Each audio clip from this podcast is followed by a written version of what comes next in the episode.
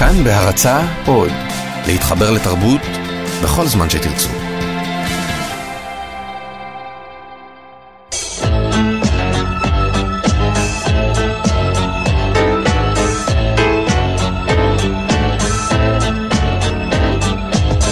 גיבור תרבות הדוקטור דן הרב והדוקטור דוד גורביץ' באולפן עם יונתן גת.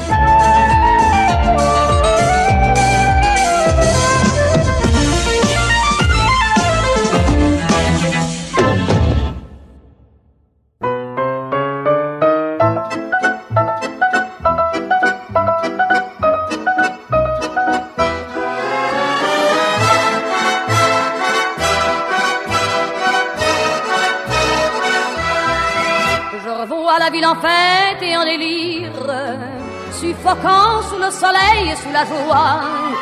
Et j'entends dans la musique les cris, les rires qui éclatent et rebondissent autour de moi. Et perdu parmi ces gens qui me bousculent. שלום לכם, כן, אין הרבה מקום לטעויות באשר לגיבורת התרבות שלנו לתוכנית הזאת, מי שלא פעם מכונה כזמרת הגדולה ביותר בתולדות השנסון הצרפתי, אדית פיאף. אנחנו כאן זה דוקטור דוד גורביץ'. היי.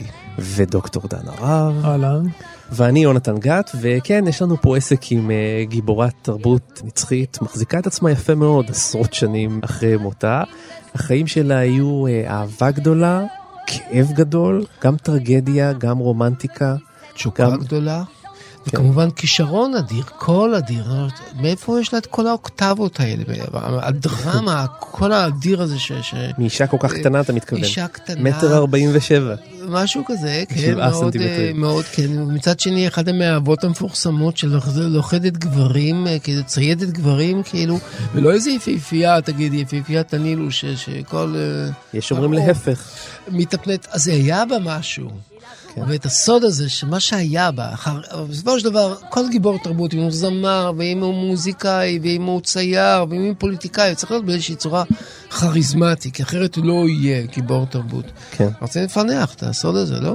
בעיקר אני חושב שצריך לפענח את הסוד של השירה שלה. כי החיים שלה היו גם אחרים אחרים. מלודרמטיים כאלה ואחרים, אבל אף אחד לא היה לו את הכישרון ואת היכולת לרגש ולספר סיפור וליצור דרמה תיאטרלית של נמשכת שלוש או ארבע דקות, כמו עידית פיאף. טוב, אין הרבה מה להגיד אחרי מה שדוד אמר. אני, לא, אני מאוד מסכים. אתה יודע, לפעמים יש אומנים שאנחנו מנסים לדבר עליהם, אנחנו נעשה את זה כמובן. אבל כל מה שנגיד uh, התמעט מאוד מול היצירה עצמה. אנחנו הרי לא... הרי זה מין שלם שבאמת הוא, הוא, הוא גדול מסך מרכיביו. זה לא הביוגרפיה וזה לא סיפור החיים, בין אם הוא המומצא והמיתי ובין אם הוא אמיתי.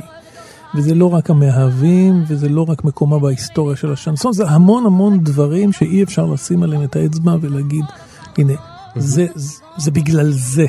יש תמיד איזשהו, סליחה על הביטוי, כן? אקס פקטור. יש איזשהו אקס פקטור שאתה לא יכול בעצם לזהות אותו, או to pinpoint it, mm-hmm. ו... וזה, וזה, וזה הסיפור, ולכן אני מציע שנדבר, ושלא פחות מזה נשמע, נאזין, נקשיב, נתרפק, ואולי גם ננסה להיות גם במידה מסוימת ביקורתיים ומפוקחים. ננסה.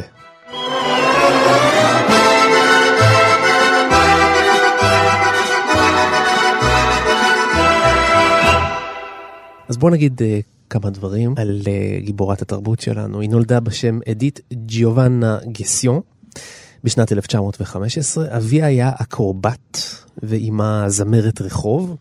היא גדלה בבית זונות בנורמנדי, שנוהל על ידי סבתה. Mm-hmm. בגיל 17 היא ילדה את בתה היחידה, שמתה שנתיים לאחר מכן. בגיל 21 הוציאה את אלבומה הראשון, שהיה להצלחה גדולה. המתאגרף מרסל סדן, אותו הגדירה כאהבת חייה, מת בהתרסקות מטוס. היא עברה שלוש תאונות דרכים קטלניות, הייתה מכורה לאלכוהול ולתרופות הרגעה, ובתקופה מסוימת היא הוגדרה כזמרת הרווחית ביותר על פני כדור הארץ. regrette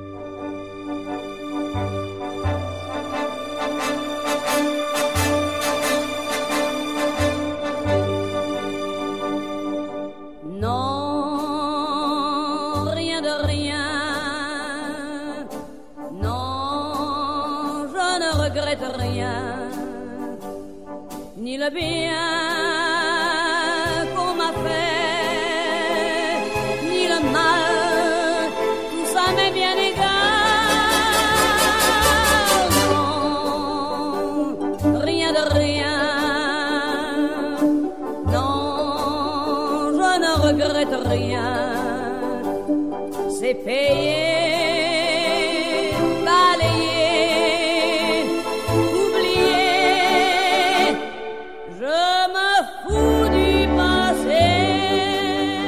כן, הדוקטורים פה מתמוגגים, דוד גורביץ' עם הסתייגות, יש לי כוכבית כבר. או, הנה, כבר הסתייגות על ההתחלה. לא, ז'נגרט ריאן. כלומר, היא שרה בהתלהבות בפאתוס, ואני זוכר את עצמי כאדם צעיר ויותר מאוחר, ועכשיו אני מאזין לזה עוד פעם אחרי ככה כמה עשרות שנים, כן. אולי 20 שנה, שהפסקתי לשמוע בצורה מתמכרת, מדי פעם אני כמובן שומע את הדבר הזה. אני אומר לעצמי, מה היא שרה? היא שרה בפאתוס רב, אינני רגע, רק נגיד מה היא מתחרטת. שרה, אינני מתחרטת. אינני מתחרטת. אין חרטות. אין חרטות בליבי, נו, נו, נו, נו, נו, זה שרה, ז'נגרריה, כן. לא מתחרט על כלום. אני אומר לעצמי בליבי, מה, את אידיוטית? את באמת מתכוונת לזה שבן אדם לא צריך להתחרט על כל מיני החלטות שלו, על כל מיני בחירות שלו בחיים? אבל האם זה לא מצביע? נכון, אבל זה לא נכון, דוד. רגע. היא אומרת את זה כי- כי כי כן היא מתחרטת. יש מה- מתחת אתה רואה לפני בזה השטח. אירוניה? כן. אה, אוקיי, זו פרשנות לגמרי אחרת. איך אתה רואה את זה? אני רואה את זה, דוד, שנראה לי שאתה מתחשבן פה עם אנשים. אתה, יש לך בעיות, יש לך טענות כלפי גיבורי אין לי בעיות? תרבות, יש לי טענות. ועכשיו יש לך זה לא בעיות. עם אדית פיאף, למה היא מבסוטה מהחיים? אתה צריך זה- להסתכל על זה זה- בקונטקסט. זה לא בעיה זאת שלי. אישה זה שעברה לא- כל כך סליחה, הרבה זה לא טרגדיות. בעיה שלי, אני מדבר רגע. על הבעיה ורמת הטקסט, זה כל מה שאני מנסה אבל להגיד. אני, אבל אני מבקש ממך, דוד, שנייה אחת להרפות, כן. ולחשוב, כחוקר תרבות, זה מה שאתה בעצם, להסתכל ממרחק הזמן. אנחנו עכשיו 2017. אנחנו מסתכלים על שיר שהושמע בשנת 61, שנתיים לפני מותה של אדית פיאף. ו? אחרי שהשיר הזה הושמע, כולם הבינו שהיא חולה מאוד. היא אמרה, זה השיר שחיכיתי לו כל חיי. או. שנתיים אחרי שהיא משמיעה את השיר הזה בבכורה באולימפיה, היא הולכת לעולמה.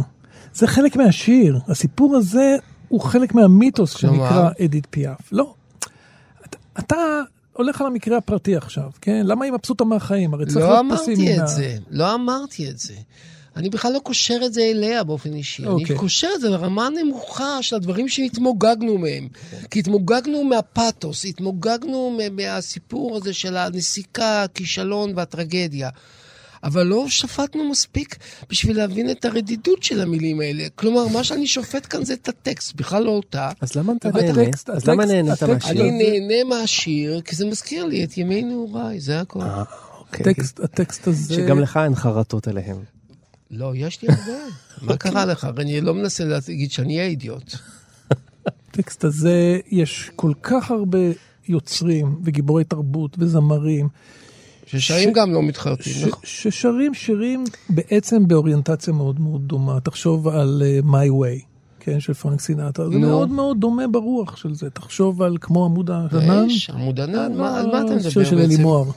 אה, אה, אתה יכול, אתה יכול לחשוב על לא מעט שירים שמה שיש בהם זה איזושהי הסתכלות על החיים, אפילו באיזשהו מבט רטרוספקטיבי, באיזשהו מבט סיכומי, שיש בו מן העצמה ויש בו מין, ה, נגיד, העידוד העצמי וכן אבל הלאה. אתה לא רואה בזה קיץ' מזוקק? אני רואה בקיץ' מזוקק חלק מרכזי בתרבות תגיד לי, אתה שאנחנו לא חיים בה. התחרט, אני אשאל אותך שאלה, אני אשאל אתכם שאלה. אני לא סליחה ש- מחפש, אני, אני לא מחפש אמת באומנות, לא, אתה מחפש לא איזה מין אמת. מה זה אמת? אני מתכוון, למה אני צריך להריץ בן אדם שאומר לי, אינני מתחרט על כלום בחיים, כאשר אני יודע בעומק ליבי שאנשים האמיתיים צריכים להתחרט כל הזמן. אבל אתה, אני, באמת, מתחרטים כל הזמן. דוד, אני ממש מתפלא על מה שאתה אומר. אתה לא רואה את האירוניה הפנימית של השיר? מה הכוונה? להפך, באינטרפרטציה שלך היא היחידה שאני יכול לקבל אותה. אז הנה, אז אני אסביר לך. הרי בן אדם שאומר אני לא כך וכך, הרי אוטומטית הוא בעצם אומר שנקודת המוצא היא שהוא כך וכך. זאת אומרת, נקודת המוצא זה החרטה. יפה דיברת, אז אם ככה אני מסכים איתך לגמרי. יפה, יונתן, אני חייב להודות שהתובנה שלך היא, יפה. בעיניי. זה מזכיר לי משהו אחר. אתה דיברת על זה שמותר לאנשים להתערט והמון נשים, וזה חלק מהאומנות. אבל יונתן אמר שיש לקרוא את השיר הזה בצורה אירונית, וזה אני קיבלתי. אין, אין ספק שמה שיונתן אמר הוא מאוד מקורי, ואהבתי את זה מאוד. יש שיר של להקת 10cc שנקרא I'm Not in Love, בעיניי אחד משירי האהבה המדהימים שנוצרו. אפרופו מה נכון, שאתה, מה שאתה in אמרת. אה, נכון, אפשר להסתכל על זה בדיוק אה, כעמדה. כעמדה הפוכה, כעמדה... למה הדבר דומה, למשל, מישהו שנפרד מאיזה אישה, ואומר לה כל הזמן, אני לא רוצה להיות איתך, לא רוצה, כל יום מצלצל, אומר לה, אני לא אהיה. איתך, אני לא אהיה איתך. בדיוק, בדיוק. אותו דבר. אז אם ככה אתה קורא, כן. זה שיר גדול. תשמע, אני, אני, האמת שאני בתוך תוכי חצוי, כי אני כן אוהב את המוזיקה ואוהב את הסנטימנט ואוהב את ה, כאילו, את הפאתוס הזה. אבל אני שואל, כי מה אם זה לא, אם הפאתוס לא, עדיין הוא רלוונטי. זה מה ששאלתי.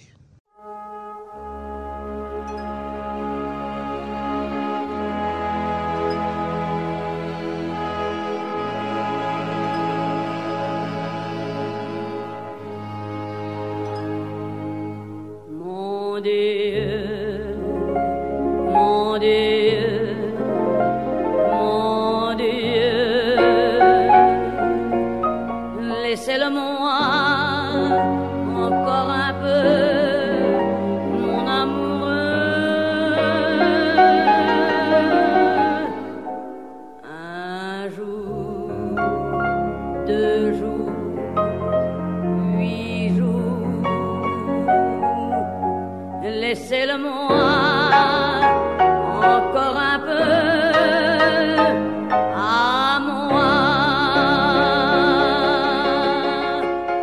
החיים שלה רצופים בטרגדיות.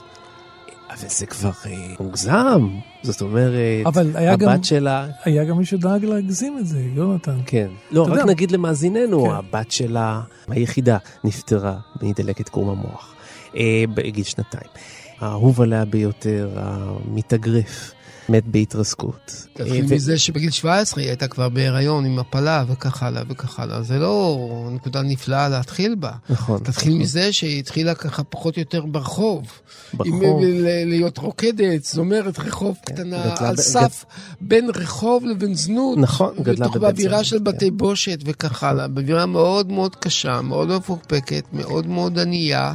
כן. שרה לפרנסתה גם כן ברחוב, בבתי קפה, עד שגילו אותה, כמו, ב- כמו, נו, כמו באגדות. אז זה מה שאמרנו, אז האגדה הזו שמתחילים מהרחוב ומגיעים לפסגות של אולימפיה בפריז ו- ובניו יורק, והיא כבשה גם את הקהל האמריקאי בזמנו, בשנות החמישים. אבל דן, אתה אמרת אז זה- שמישהו זה דאג. לעשות את זה, אז אתה התכוונת לא, לזה אני- ש... אני חושב אבל ש... תמיד יש כזה אחד, הנקודה היא לא לשאול למה אם יש אחד שדאג לזה, זה, זה, תמיד דואגים לזה. אז אתם טוענים שהיא ניצלה את המסכנות הזאת, רכבה על המסכנות הזאת בשביל להצליח, מצד אה. שני אי אפשר להתכחש לזה שאכן הייתה מסכנות. אכן הייתה מסכנה, אין ספק. בדיוק. והמסכנות הזאת היא הרוויחה את זה ביושר. אבל אולי המסכנות מסכנות הזאת ממכרת. יוצאת לידי ביטוי ביצירה שלה. אתה יודע, כל מיני דברים שיצאו בשנים האחרונות, מחקרים, ספרים, חושפים שהיא, אתה יודע, הציגה את עצמה כמסכנה יותר מכפי שהיא הייתה בלאו הכי. בוא נגיד, המציאה, כל- כן, המציאה דברים. כל מיני סיפורים שנועדו כנראה להאדיר את המיתוס הזה של המסכנות. הסיפור שהיא נולדה בחדר המדרגות בבית, לא, כן. לא היה ולא נברא, חוקר אה, זיהה והביא את תעודת מצא מסמכים, כן, כן, שהיא נולדה הלידה בבית חולים.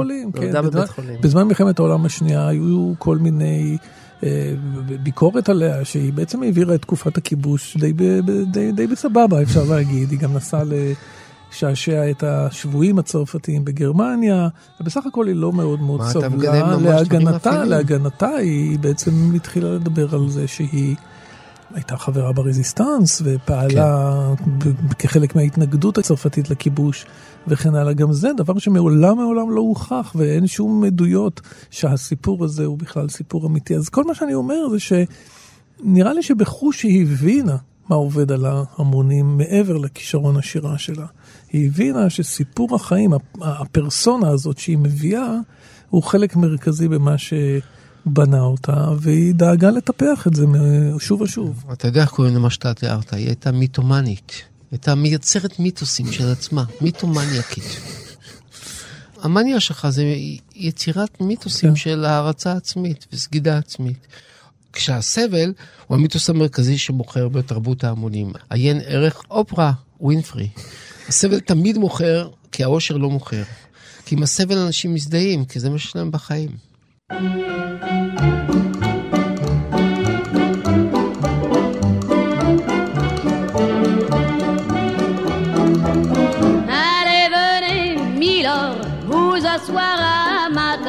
Il fait si froid dehors. Ici c'est confortable, laissez-vous faire, milord, et prenez bien vos aises, vos peines sur mon cœur, et vos pieds sur une chaise, je vous connais, milord, vous ne m'avez jamais... ואיתנו נמצא דוקטור אביב עמית מהחוג לשפה וספרות צרפתית ומומחה לשנסונים. כן, יש דבר כזה, דוקטור לשנסון.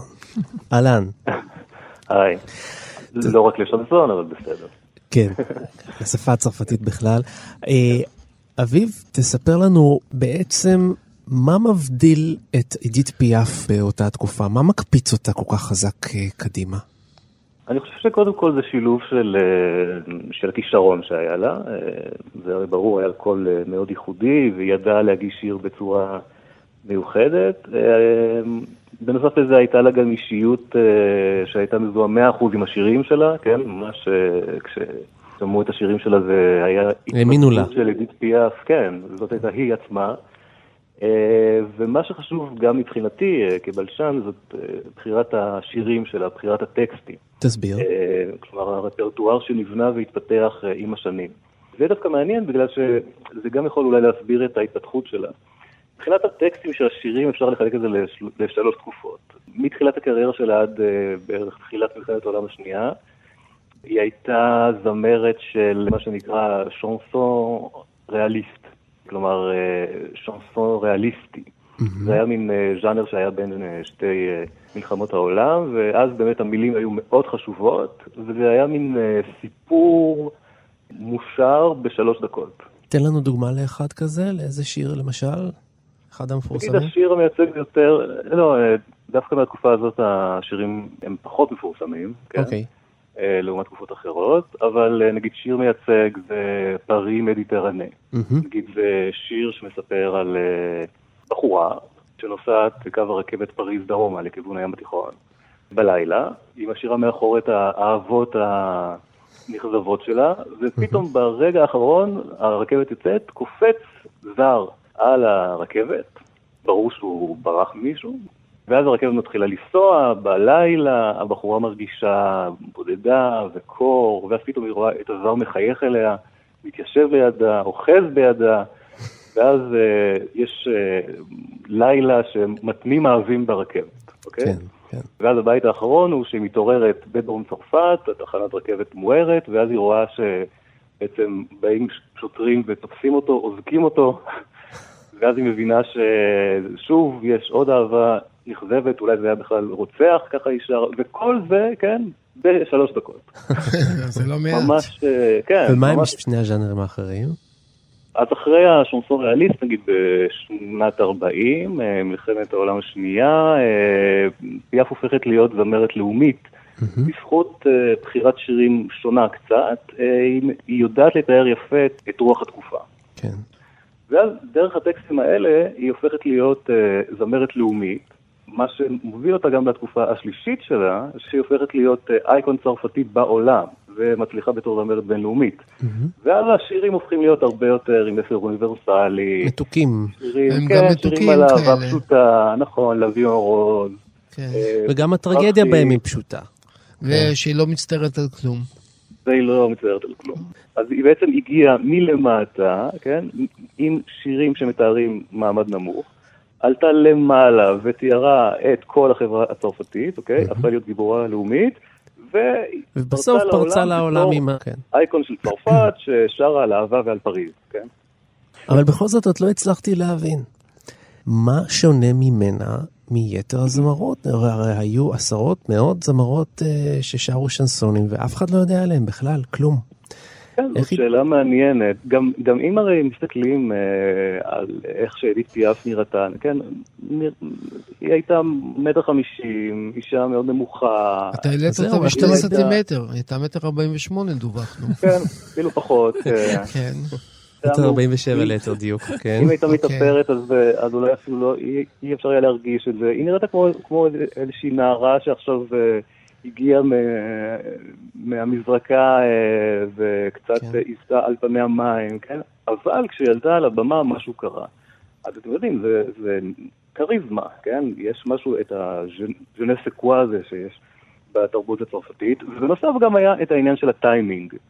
כן, אם. דיברתי על- מלחמת העולם השנייה, זה בדיוק הטיימינג המתאים להפוך להיות זמרת לאומית, כן? כשהרגש הלאומי אה, התחזק מאוד, אה, אז. מה אתה בעצם אומר, שהתקופה מצאה אותה? שהתקופה אה, תפסה כן. אותה. אפשר לומר, כן, והיא גם, תוך כדי גם הטכנולוגיה התפתחה, כן, נגיד, אם דיברנו על uh, סיפור בשלוש דקות, בגלל שהתקליט uh, היה 78 סיבובים, וזה בדיוק שלוש דקות, כן. uh, ואז היא ידעה להמשיך הלאה ולקולנוע ולתוכניות uh, אירוח. דוקטור עמית, מה מצב השנסון אה, כיום? זה עוד אה, חי? כן, עדיין חי. יש את מה שנקרא Nouvelle Generation, הדור החדש, Mm. של זמרים שמתייחסים לטקסטים ברצינות, ונשמעים כמו אה, ז'אק ברל אה, וכמו אה, ז'ורד ברסאנס. אה, ומצליחים מאוד בצרפת. לא יוצאים משום מה מגזרת אה, צרפת. דוקטור אביב עמית, אנחנו מאוד מודים לך שהיית איתנו. תודה רבה לכם. תודה. ביי.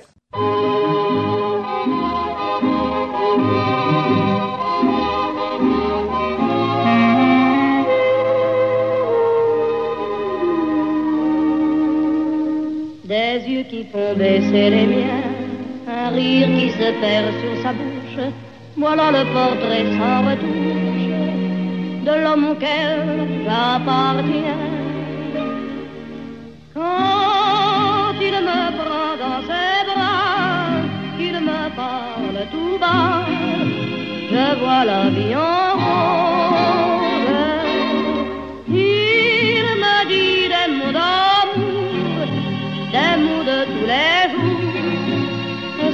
Fait quelque chose. Il est entré dans mon cœur une part de bonheur dont je connais la cause.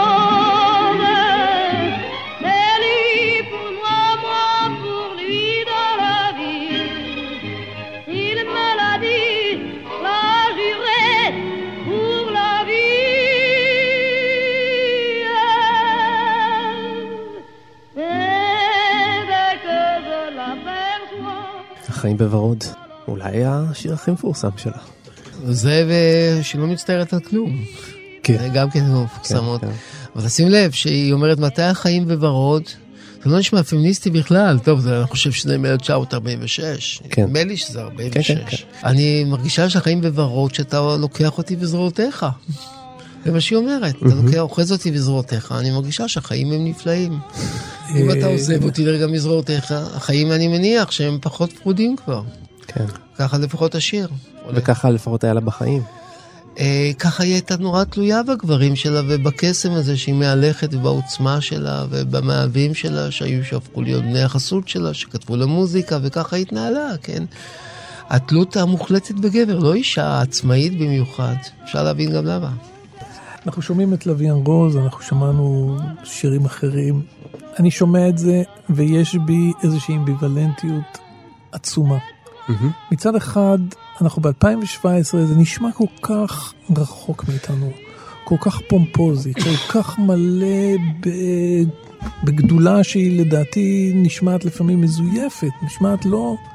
מצד שני, אני לא, יכול, אני לא יכול לבטל את זה, זה נשמע מלא בהתכוונות. נקודת המבט של הזמרת זה נשמע אמיתי לגמרי. ויש איזושהי דילמה, לפחות אני מרגיש ב, ב, בהתייחסות אל הדבר הזה. האם, אני, האם אנחנו רק נוסטלגיים כלפי הדבר הזה, או האם אנחנו אמורים לזהות, הנה, זה הדבר האמיתי. בן אדם שכמעט מת על הבמה. בן אדם שכל נשמתו נמצאת שמה החוצה. כן. אה, ללא ציניות, ללא הסתייגות, ללא שום זהירות אפילו, אלא ממש נתינה מוחלטת של הנפש כלפי חוץ. אז אני מרגיש שאני מצד אחד רוצה להתגונן מן הדבר הזה, ואולי אני מפעיל איזושהי ציניות כלפי הדבר הזה, ונראה לא מחובר לזמן הזה, ל- ל- ל- להיום. אז יש לי איזושהי עמדה כפולה כלפי, כלפי הדבר הזה. מה אתה אומר, דוד? אני חושב שאני מאוד מזדהה עם מה שאתה אומר. באמת, הנה, יש הזדמנות להסכים. זאת אומרת, אה, כן, זה, זה מצד אחד, זה כזה מאוד סנטימנטלי, כן. מאוד נוסטלגי, מאוד אה, החיים כמו שאנחנו מתארים אותם באגדות, או סטיק, ומצד שני, יש מישהו שהוא אומר את זה בצורה הזאת, כל כך אמיתית, שאפילו אם המילים הן פחות מרתקות אותך, אז אתה עדיין מתרגש, כי זאת הצורה, לא רק התוכן. אתה יודע, מה שמעניין אותי זה באיזה מידה, אתה יודע, אנחנו יודעים, ו, ונאמר שהיא הייתה סוג של זמרת לאומית. נגיד אנחנו מדברים בארץ על, על, על זמר של שנות ה-50, שנות ה-60, היום יש איזושהי, אתה יודע, זה, זה, זה איזושהי נוסטלגיה, אבל אנחנו לא באמת מנפנפים באותם דגלים שנפנפנו בשנות ה-50 וה-60. נכון. מעניין מה פיאף היום, מה, מה, איזה מקום יש לה בצרפת של היום, כן? עד כמה זה נשמע אותנטי, עד כמה זה נשמע בכלל מתחבר למשהו בזרמים הפוליטיים והחברתיים של צרפת היום. גם האומה הצרפתית עוברת המון שינויים. גם שם יש שיח מאוד מפותח של רב תרבותיות, של זהות. זה לא, אם לזה התכוונת, זה לא כל כך פשוט, זה אז לא... אולי על ידי חוגים מסוימים היא נערצת, כן. וחוגים אחרים לא, אני לא בדקנו את הדברים האלה. היא כמו נסיכת ההמונים, היא כמו אגדה. זמרים אחרים פחות אגדיים במובן של החיים שלהם, במובן של מה שהם עברו בחיים, במובן שהם הגיעו מהמקום הנמוך לפסגות האינסופיות, שעברו מלחמות, שעברו צער, סבל. זה כל מה שעולם המלודרמה יכול להציע, היא מציעה. אנשים מתחברים כי למלודרמה היא הגדולה של אופרת החיים. סבון, היא אופרת סבון. היא בעצם. אופרת סבון מרגשת, ואנשים תמיד התחברו ותמיד התחברו לרעיון שאפשר לספר את הסיפור של עצמם, שאיתו הם מזדהים בצורה כל כך מרגשת. הם היו רוצים שהסיפור שלהם יהיה כזה, דומה. אז בינתיים מתחברים לוויון רוז. כן. Le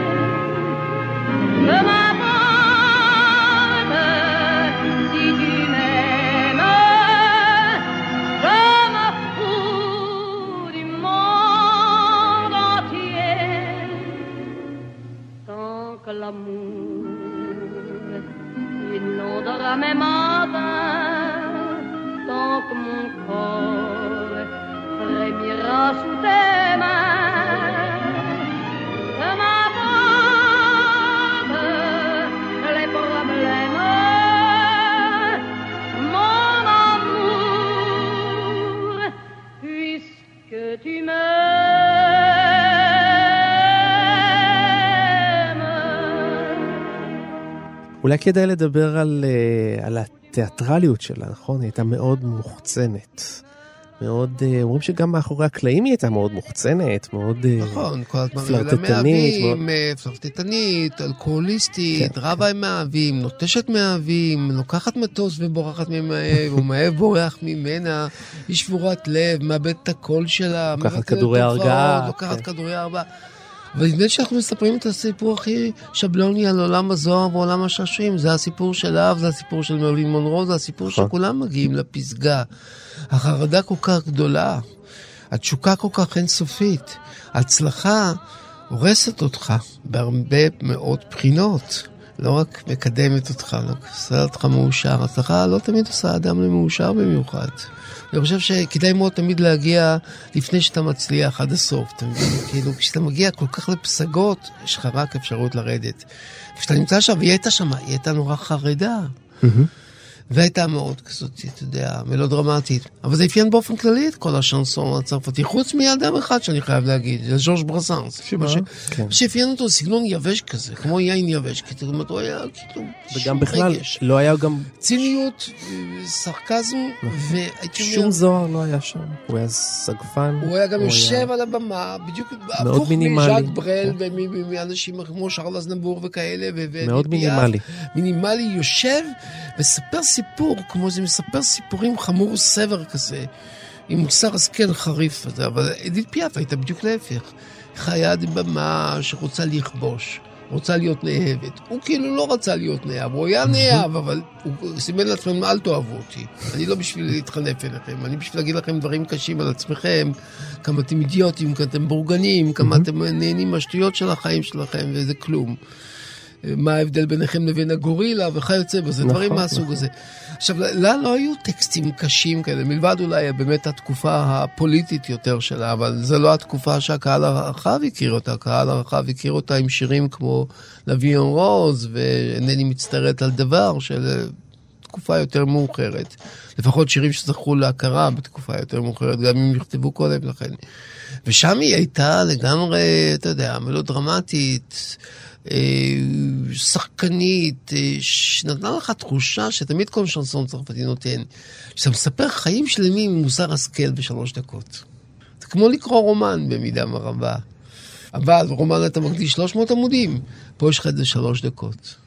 זה מעניין, דוד, אתה בעצם מתאר את אה, פיאף כעוד דמות בתוך הרשת העצומה הזאת של גיבורי תרבות שמכרו לנו את המלודרמה, מכרו לנו את הגדול מהחיים, נכון? זה בעצם ואנחנו התאהבנו.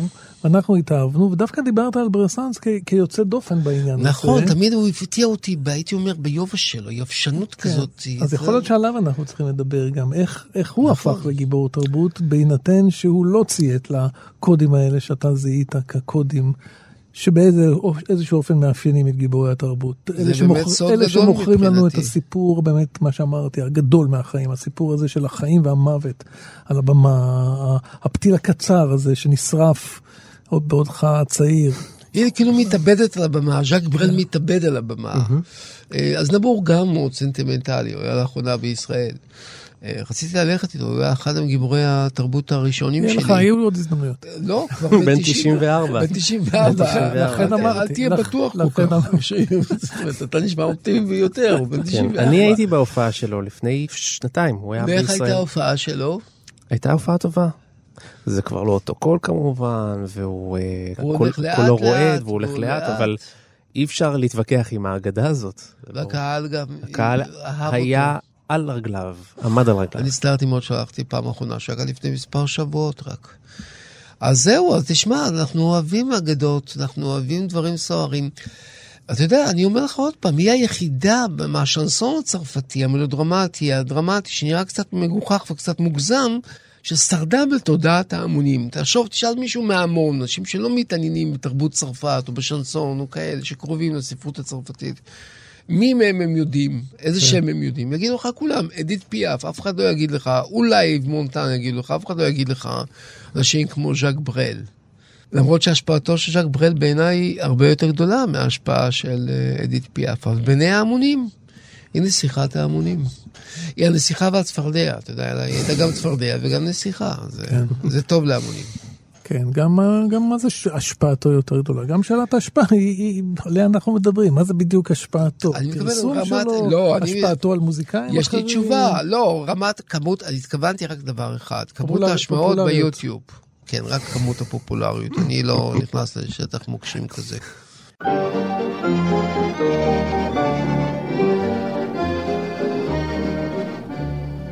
La fille de joie est belle, au coin de la rue là-bas. Elle a une clientèle qui lui remplit son bas. Quand son boulot s'achève, elle s'en va à son tour, chercher un peu de rêve dans un bal du faubourg. Son homme est un artiste, c'est un drôle de petit gars, un accordéoniste qui sait jouer la java. Mais elle ne la danse pas. Elle ne regarde même pas la piste. Et ses yeux amoureux suivent le jeune nerveux. Et les doigts non de l'artiste. Ça lui rentre dans la peau par le bas, par le haut. Elle a envie de chanter cette physique. Tout son être étendu, son soufflet suspendu, c'est une vraie tordue de la musique. ואיתנו נמצא עכשיו אלי ביג'אווי, שהוא גם איש תיאטרון, גם מתרגם, ובמאי ההצגה פיאף, שהוצגה בתיאטרון באר שבע. אהלן. אהלן. מה מצאת באישה הזאת שמשך אותך לביים הצגה עליה? אה, פיאף, ואת זה הבנתי גם תוך כדי העבודה, היא לא רק האישה שהיא הייתה, אה, אה, היא גם, ובעיקר, בטח היום, היא גם האגדה והשירים שהשאירה אחריה. ואז, אתה יודע, בתור יוצר צעיר, אה, שבזמנו גם הדריך שחקנית מאוד צעירה. שזכתה על זה בפרס, נכון? היא זכתה בפרס נכון, הפרס השחקנית. ה- הפרס הגיע אחרי, הפרס הגיע אחרי, נכון, היא זכתה ביוני טובי, היא זכתה בפרס שחקנית השנה על התפקיד הזה. כן. אבל אם נדבר ממש על החיבור הראשוני, אז בשבילי זה היה להיות יוצר צעיר שמדריך שחקנית צעירה, ולפגוש מישהי כמו פיאף, אתה יודע, זה לפגוש סמל אה, אה, לאיזושהי טוטליות שבקשר העוצמתי שבין, אתה יודע, שבין אומן לאומנות שלו. אה, כן. ואז בזמנו, אה, כשהייתי, גם היא וגם אני, אני מדבר על השחקנית, רק בתחילת הדרך, אז כל מה שפיאף ייצגה, שזה כאילו אה, מין תהילה אדירה והזדקנות של אומן בטרם עת בגלל חיים, אה, אתה יודע, מורכבים ובעייתיים. ובסיפור של פיאף, שקיים גם בקירה ההיסטורית וגם ביצירות, גם בשירים שלה עצמה דרך אגב, אז, אז יש, שם, יש שם קצת מהכל, יש שם את הילדה שהתגלתה במקרה, את, ה, את מי שגדלה ברחוב כביכול, את מי שעלתה במרכאות לגדולה וקרסה והסתממה, וידעה קריסה קשה של קריירה ונפטרה בגיל צעיר, והייתה אישה קטנה מאוד, לא יפה במיוחד וגדולה בצורה שלא היו רבות כמוה וכנראה לא יהיו, ו, וזה היה בשבילי, אתה יודע, להיכנס לעולם שבעצם מכיל מכל, מכיל מהרגע הראשון את הכל. היה שם התחלה, היה שם מהרגע הראשון אה, אה, איזה מין משחק כל הזמן בין הדמות, בין מי הייתה פיאף ברמה הביוגרפית, למי היא בתוך אה, הצגת תיאטרון, כי משהו בחיים שלה, הוא, אתה יודע, הוא, הוא, הוא, מין, הוא מין אגדה עם כל הקצוות, אתה יודע, המחוספסים שלה. היה לה באמת קול נדיר, אבל היה לה, נניח שאתה עושה איזושהי השוואה בין זמרות שנסון אחרות או אחרים, מה היה הייחוד שלה לעומת אחרים? היא הייתה מאוד תיאטרלית, היא הייתה מאוד דרמטית, היא הייתה מאוד סנטימנטלית, היא הייתה מאוד... אה, אה, שרה כל הזמן על החיים בוורוד, ועל ההזדקקות שלה לזה שהוא יחבק אותה, אחרת החיים לא יראו לה בוורוד. בתפיסה הזאת, האישה השברירית הפגיעה, כן? נגיד בניגוד לברסנס או לברל או, או, או, או, או לברברה, לא משנה, למי שלא תיקח אפילו מגדולי השנסון הצרפתי, היא לא כתבה את שיריה, בכלל. היא- אגב, היא כתבה שניים, שני, ש- מהמפורסמים היא היא כתבה הייתה רק רק שניים. זמרת מבצעת. היא הייתה רוב הזמן זמרת לבצעת, אבל הייתה מאוד מאוד קרובה לאנשים שכתבו אליה. עם חלקם- הייתה קרובה ברמת חלקם איתה, עם אחרים הם היו אנשים שליוו אותה לאורך כל חייה, נשים וגברים, זאת אומרת, המלחינים והכותבים שלה. ובאופן מאוד, אה, אה, אם אני חוזר לשאלה שלך לגבי האיחוד שלה, היכולת, של, היכולת שלה, ואז, ואת זה גיליתי כש, כשניגשתי לחשוב עם איזה שירים אני ארכיב את התצרף שיהווה את הבסיס של ההצגה, כי הבסיס של ההצגה נע על לספר את סיפור חייה דרך השירים שלה. ואתה רואה שהשירים באיזשהו אופן כמעט אה, אינהרנטי, כמעט קרה מאליו, שאם אתה מלקט שירים לאורך תקופות חייה, הם מספרים יפה מאוד את מי שהיא, גם בלי שהיא כתבה אותם. היא כתבה שניים, שני שירים שלה מאוד מפורסמים, היא כן כתבה, את המנון לאהבה, המנון למור, אה, ואת לביון רוז. אבל שירים אחרים שלה, כמו למשל מונדיו שהיא הקדישה ל- למרסה סרדן כשהוא אה, אה, נהרג בתאונת מטוס, שנשמע כמו שיר ביוגרפי לכל דבר. וגם, וגם יש וידאו מאוד מפורסם שלה מבקש להקדיש אותו, הוא הרי טס אליה ונהרג בדרך, והיא הקדישה לו שיר שנשמע כאילו נכתב עליו. אומרת, היה שם משהו ביכולת שלה בזמן הווה לחבר את החומרים שהיא שרה למי שהיא ולהוויה שלה, גם אם היא לא כתבה אותם, בטח בראייה, אתה יודע, רטרוספקטיבית, בטח כשמסתכלים על זה אחורה, אפשר להרכיב בקלות את סיפור חייה בשירים. ואם אני מנתק רגע את ההשגה ואת ה... זה, זה מה ששבר אותי בפיאף עוד לפני שניגשתי לטפל בקדמות, זה הקול הגדול הזה שבוקע מהאדם הקטן הזה, פיזית. הדבר הזה ש, ש, שיש, היא מכונה בכל מקומות שדה, כי היה בה משהו שהוא מצד אחד, יש בו חן ויש בו כריזמה ויש בו שובבות, אבל אין בו, אין בו יופי, היא לא הייתה אישה יפה, אבל כובשת. כן, היו לו הרבה מאהבים צעירים ממנה, נכון? יפים. אה, כן, אגב, גדולי השנסון הם כמעט כמעט אה, אחד אחד עברו אה, סטאז' אצלה, סטאז' כל אלה. שכתבו לה שירים, שהיו בעצם מלווים אותה, והפכו גם, למאהבים גם שלה, אנשים נכון? מהקומפניון דה לשנסון, כן, גם הם, וגם, כך אומרים, אפילו מי שביקר אותנו לאחרונה, אה, אזנבור. עכשיו נבור, ריב מונטן, הידועים ביותר. כן, היא גם הייתה, היא גם הייתה, לכשהיא הפכה להיות פיאף, היא גם בעצם פתחה דלתות להרבה מאוד מהאנשים האלה, אה, אומנותיות. אז אתה יודע, אז חלקם כן. באמת היו מערכות יחסים וחלקם היו אה, באמת אה, אנשים ש... תראה, היא לקטה לאורך השנים, הכותבים שלה, שהיו אנשים שהסתובבו הרבה פעמים סביבה, גם בחיים הפרטיים, זה זה עבד לשני הצדדים. היא, מי שהיא חיזרה על תחב בהתחלה, אחר כך הפך להיות אנש, אישה שמקדמת אנשים אחרים. אה, זה אני רואה פשוט אפילו להסתכל במי כותב לה את השירים באיזה תקופה בחייה. ברור, כן. ברור. אלי ביז'אווי, אנחנו מאוד מודים לך שהיית איתנו. אני מודה לכם. תודה תודה רבה. רבה.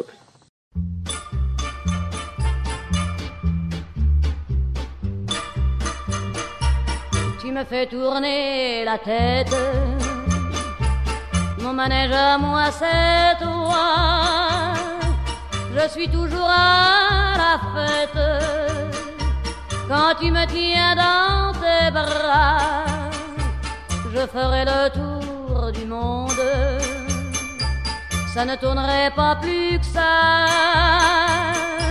La terre n'est pas assez ronde pour m'étourdir autant que toi. טוב, אנחנו מתקרבים לסיום, וכרגיל אנחנו ממליצים לכם על עוד דברים מאת אה, גיבור התרבות שלנו, או דברים שקשורים אליו. אני רוצה להפנות אתכם ליוטיוב ולראות אה, דוקומנטרי בין אה, כ-45 דקות, זה פשוט נקרא פיאף, דוקומנטרי, ביוגרפיה. זה בארבעה חלקים, שם מתוארים כל הפרטים הנכונים והלא נכונים על חייה, חיים סוערים כאלה שבאמת לא מעוררים שום חשק להיות אה, גיבור תרבות. המחירים שהאישה הזאת שילמה בשביל אה, להיות בפסגה הם... אה, הם בלתי נסבלים. זה לטובת כולנו, כן. אנחנו נהנים מהתוצאה. אני יכול להרגיע אותך לא- שאין גיבור תרבות, לא רק אדית פיאף שלא משלם מחירים גדולים, כן. ועדיין אנשים מוכנים להסתכן ולהגיע לשם. כי השאלה היא מה עדיף, חיים סוערים ומרתקים של גיבור תרבות. וקצרים, וקצרים וקצרים. רומנטיים, כי 47 היא כבר לא הייתה איתנו. חיים שלווים, רגועים ומשעממים נורא. נכון, ב- בעת גיל הזהב, באיזשהו מקום טוב ויוקרתי, עם מה, בריכה. מה וחוגים יותר טובים. גרוע? אני לא בטוח. זאת שאלה טובה, במיוחד היום שאנחנו לא מעריכים את הנעורים הרומנטיים שמתים צעירים, ומעריכים מאוד את הגיל המבוגר, כאילו, נעורי נצח שאומרים. אז בעצם אנחנו היום בתפיסה האנטי-רומנטית הקיצונית, הרומנטיקה תמיד היה למות צעיר. היום אנחנו רוצים למות זקנים. אנחנו אנטי רומנטיים בעליל, ועדיין אנחנו כאילו נוסטלגיים לאדם כמו אדית פיאף. אני חושב שהיה לה סרט מאוד יפה בשנים האחרונות, סרט שנקרא החיים בוורוד, הוא מספר את סיפורה המופלא של אדית פיאף, מומלץ ביותר. טוב, אני אמליץ אה, על דבר הרבה יותר אה, פרוזאי. אני ממליץ על טיול בפריז בעקבות אה, פיאף. אני חושב ש... אני חושב שהחיים של פיאף הם בעצם טיול בפריז. מהסמטאות של בלוויל במזרח פריז ועד השאנזליזה, מגבעת המומר, אם תרצו, ועד אולם אולימפיה, שם היא עשתה את ההופעות הממש האחרונות שלה. כן. את הטיול הזה הייתי ממליץ לסיים בבית הקברות פר לשז, שם, שם קבורה פיאף בקבר כן, כן, קטן, מ- מיניאטורי כמעט, שהולם את אה, גודלה או את ממדיה הפיזיים. אני ביקרתי שם בהמלצתך, אני כשעשיתי טיול לפריז, אה, התייעצתי עם דן ושאלתי אותו, אני- אמרתי, באמת אתה תלך לבקר. מדווח על קבר שאורכו מטר ארבעים ושבע? קודם כל בית קברות מדהים, כן, כל אה, אצולת התרבות. אה, גם אני הייתי שם בעקבות המלצתו של דן. אתה, דן, אני מציע שתתיקח אותנו, אתה תהיה מדריך הטיולים להתחיל שלנו. לעשות סיבובים אנחנו נעשה, כאילו, טורים, אנחנו נעשה לא- טור על פי גיבור תרבות, כן. על פי התוכנית. יפה מאוד. balayer les amours avec leur trémolo. סיימנו, אתם אה, מוזמנים כרגיל להיכנס לעמוד הפודקאסטים של אה, אתר תאגיד השידור הציבורי, שם תוכלו להאזין לכל תוכניות גיבור התרבות ששידרנו עד עכשיו, וגם לעוד פודקאסטים מעניינים מאוד. תודה רבה ליאללה שינדלר שהביא לשידור, תודה רבה לך דוד גורביץ', תודה. תודה רבה לך דן הרב. תודה, תודה. אני הייתי יונתן גת, ואנחנו כמובן ניפרד עם עוד כמה צלילים. להתראות. להתראות. ביי ביי.